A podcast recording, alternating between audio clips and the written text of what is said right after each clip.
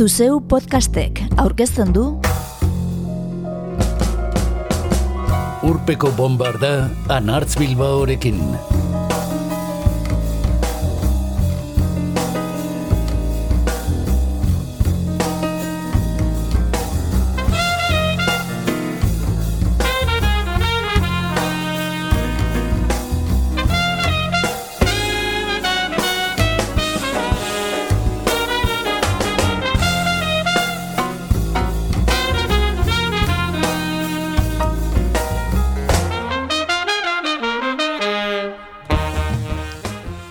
Urpeko bombardan gaur jazz musika entzungo dugu. Euria bota aldean ari zela utatutako harbop eta beste. Estandarrez bada jada klasiko bihurtu eta maixo hundiek, batez ere irurogiko amarkadan emandako piezak. Dantzatzeko modukoak. Eta entzungo ditugu Nina Simon, Hank Mobley, Horace Silver, Lee Morgan, Herbie Hancock, Miles Davis eta Carmen McRae, Dave Brubeck ekin.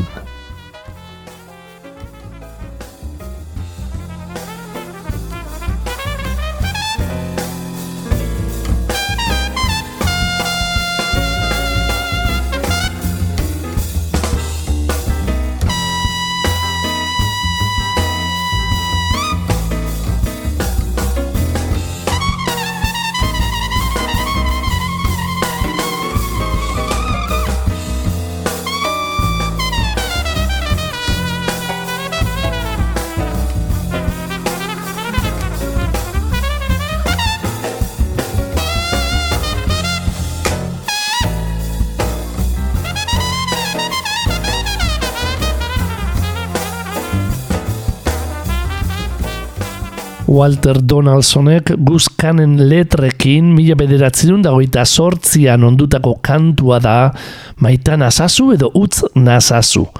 Lehen aldiz Broadwayko musikal batean entzun zena. Eta besteak beste Nina Simon zenak ezagun egin zuena. Little Girl Blue diskoan. Nina Simonen debut lana da Little Girl Blue. Bethlehem zigiluak plazaratu zuena mila bederatzen da berrogeita mazortzian. Eta arrakasta nagusi My Baby Just Cares For Me izan zuena. Diskoan justu aurretik zuen kantua da Love Me or Leave Me.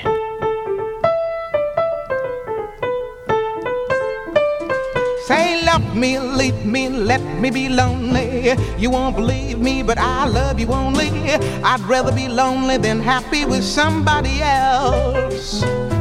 You might find the night time the right time for kissing. Nighttime is my time for just reminiscing, regretting instead of forgetting with somebody else.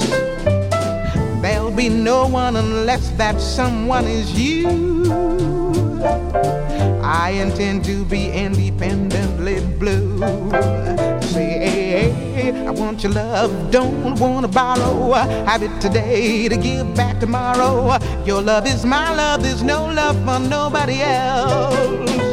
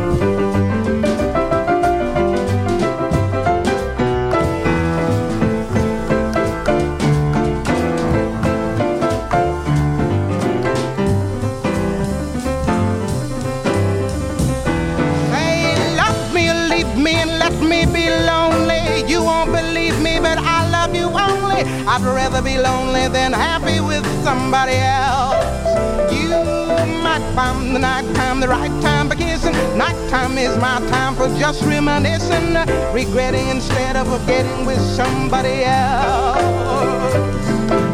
There'll be no one unless that someone is you. I intend to be independently blue. Say, hey, I want your love, don't want to borrow. Have it today to give back tomorrow.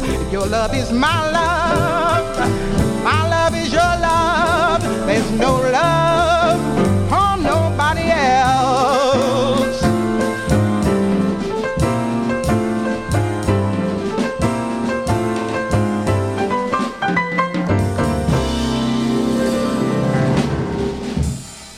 Nina Simon eta Hank Mobley adinkideak izan dira.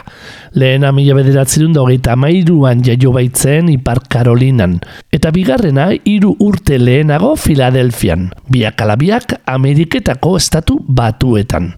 Hardbop saxofoi joleak mila bederatzerun deirurogeian plazaratu zuen Soul Station. Winton Kelly pianu jolearekin, Paul Chambers basu jolearekin, eta Jazz Messengers taldeko gidari izan zuen Art Blackie bateria jole bikainarekin laukotea osatuta. Aipatu sekzio erritmikoak hiru lan plazaratu zituen. Mila bederatzerun deirurogeian irurak. Hank Mublirekin bi aurkez gai dugun Soul Station eta Roll Call. Eta Lee Morgan trompeta joleak VJ zigiluan plazaratu zuen Hers Lee Morgan irugarrena. Non Clifford Jordan saxofoi joleak ere partartu zuen, boskotea osatuz. Hank Mubliren otzaileko Soul Station eta zareko Roll Call grabatu bitartean, Winton Kelly eta Paul Chambersek Mel Davisen boskotean partartu zuten Europako zuzeneko biran. Eta horren urtean gainera, Hank Mubli berak ere lagunduko zuen trompeta jole erraldoia. Beste modu batean esan da eta laburtuz, sasoi betean ziren maixuen batuketak emandako arribitxia da Soul Station. New Jerseyko Van Gelder estudioetan grabatua eta Blue Note zigilu itzaltzuan plazaratua. Dig diz, kantuak izten du bertako A aldea.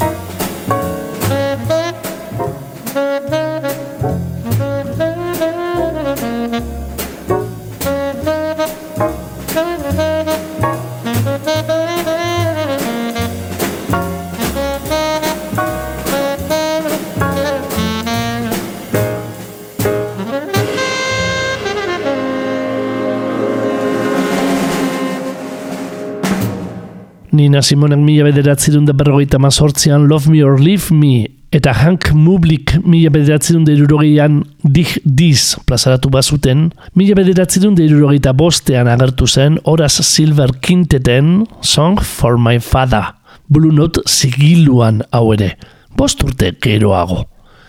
Hart Boparen gailurretako bat da Song for My Father, eta Horaz Silver pianu jolearen lanik esanguratzuen etzat jotzen da aire tropikales eta bosanovas zein ekialdeko erritmoz dago zipristindua. Cabo Verde tarra zuen aitari eskenia baitago, eta Silverrek Brasilera egindako bidaia batek goi argitua. Diskoa ora Silver bere boskote klasikoa desegin eta berria eratzear zela agertu zen. Lan erdia Blue Mitchell, trompeta, Junior Cook, saxo tenorea, Jen Taylor basua eta Roy Brooks bateria lagun zituela grabatu zen.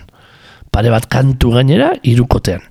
Eta beste erdia Carmel Jones trompeta, Joe Henderson saxu tenorea, Teddy Smith basua eta Roger Humphries bateria musikariak lagun zituela.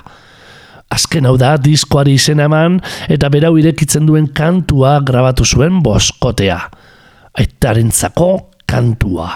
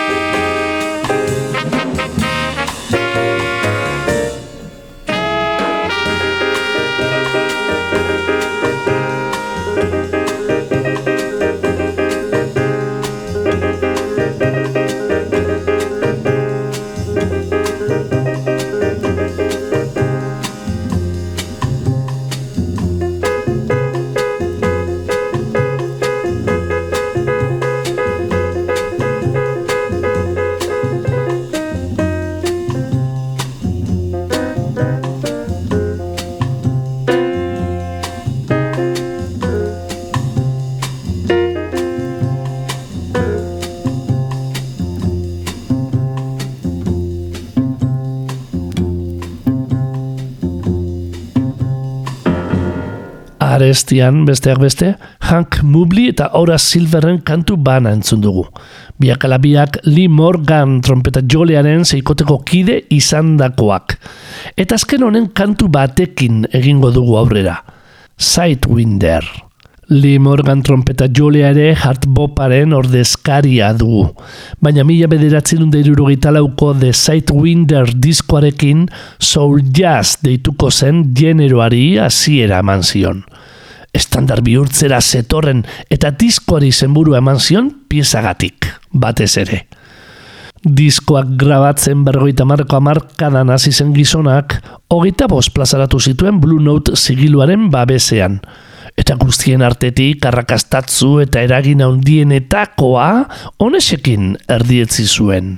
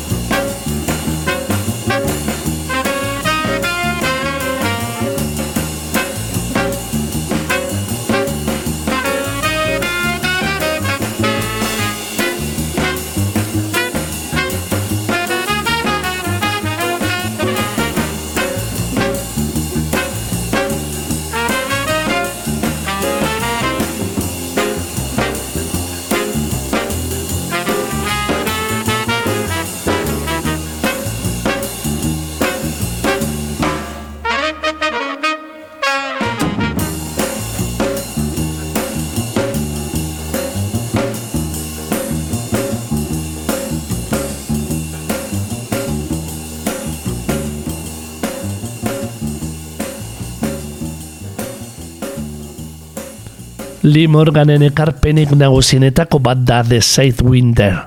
Eta Ora Silveren kanturik ezagunena, zalantza barik, Songs for my Father. Gerora besteak beste Steely taldeak berrirakurria. Ricky Don't Lose That Number kantuan. Eta antzera, Watermelon Man da Herbie Hancocken kanturik ezagunena. US3 taldeak Cantaloupe Flip Fantasia bihurtu zuen Cantaloupe Island abestiarekin batera. Egun estandarra den kantua Taking Off debut diskoan orkestu zuen pianu joleak, mila bederatzirun eta irurogeita bian. Harbop diskoa zen hau ere.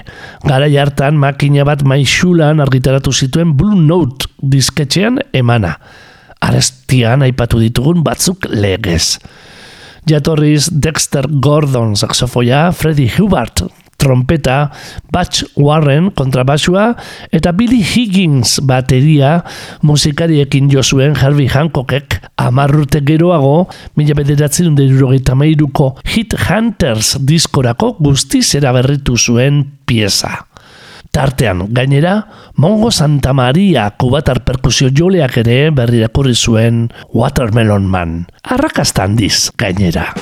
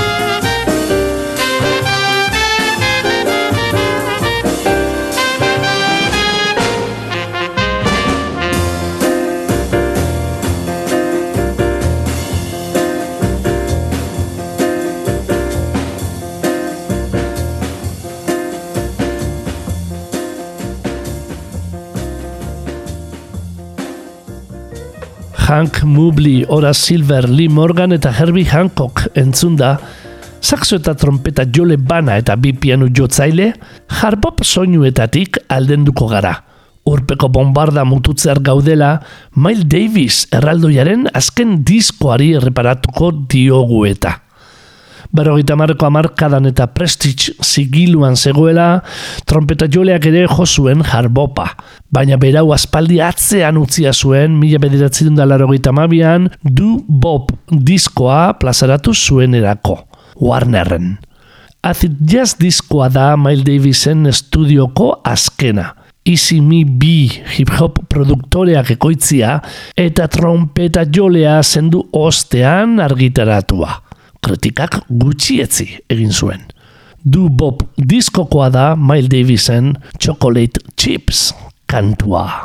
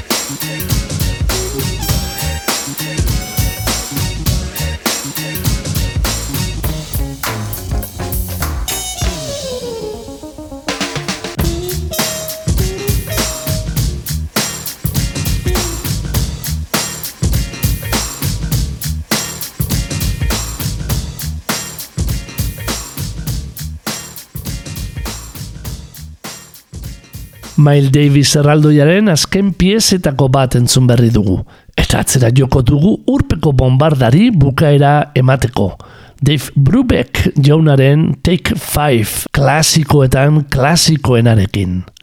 Dave Brubeck cool jazz pianu jolea karrakazte itzela izan zuen berrogeita marreko eta irurogeiko amarkadetan.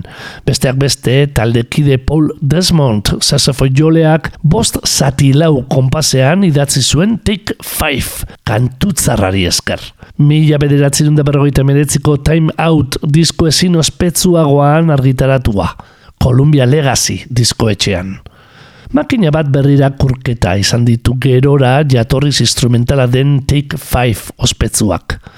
Berbarako Dave Brubeck eta bere emazte Iolaren hitzekin Carmen Magraek kantatu eta zuzenean grabatua. Kantarien kantari deitua Carmen Mercedes Magrae Harlemen jaio zen, New Yorken, baina Jamaikarra zuen jatorria ederra zuen ahotza.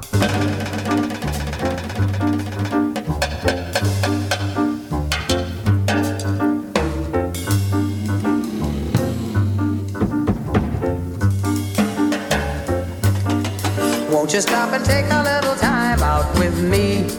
Just take five. Stop your busy day and take the time out to see I'm alive.